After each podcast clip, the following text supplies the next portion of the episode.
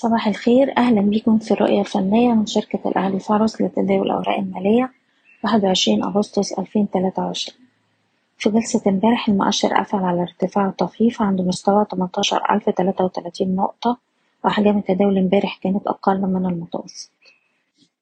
إحنا للجلسة التالتة على التوالي المؤشر بيواصل الارتفاع بدعم أساسي من أداء البنك التجاري الدولي على الرغم أن العديد من الأسهم ما زالت بتواجه بعض عملية جني الأرباح.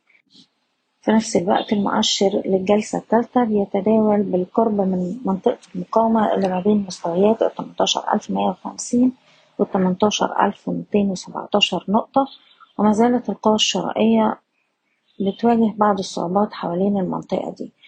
وبالتالي بنركز على أقرب مستوى دعم دلوقتي عند السبعتاشر ألف وتسعمية وفي حالة كسر المستوى ده الأسفل هتبقى إشارة على بداية عملية تصحيح اللي ممكن تخلينا نعيد التجربة على مستوى الدعم السبعتاشر ألف وسبعمية وده أقل مستوى اتسجل الأسبوع اللي فات.